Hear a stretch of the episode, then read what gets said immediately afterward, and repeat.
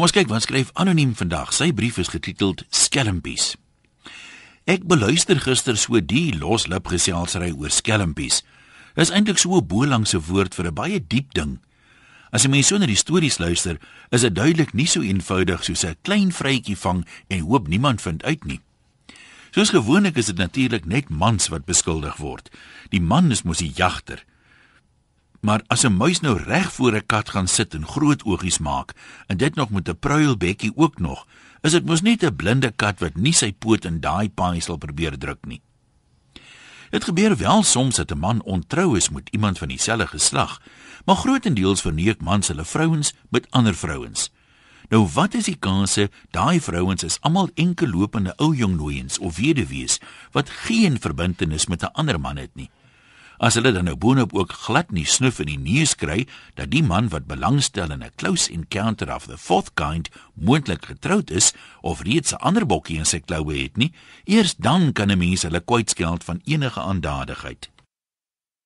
Die res is net so skuldig. Onthou, it takes two to tango, behalwe op potch, want daar is vasdans mos sonde.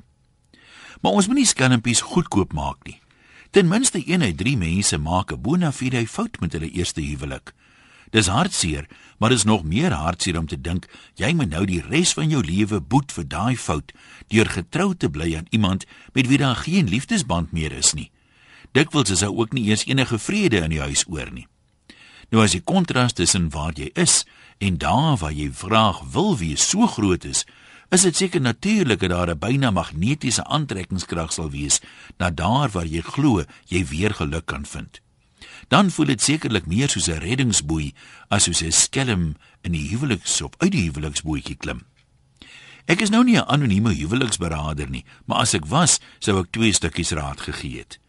As jy iemand ontmoet, wees jouself.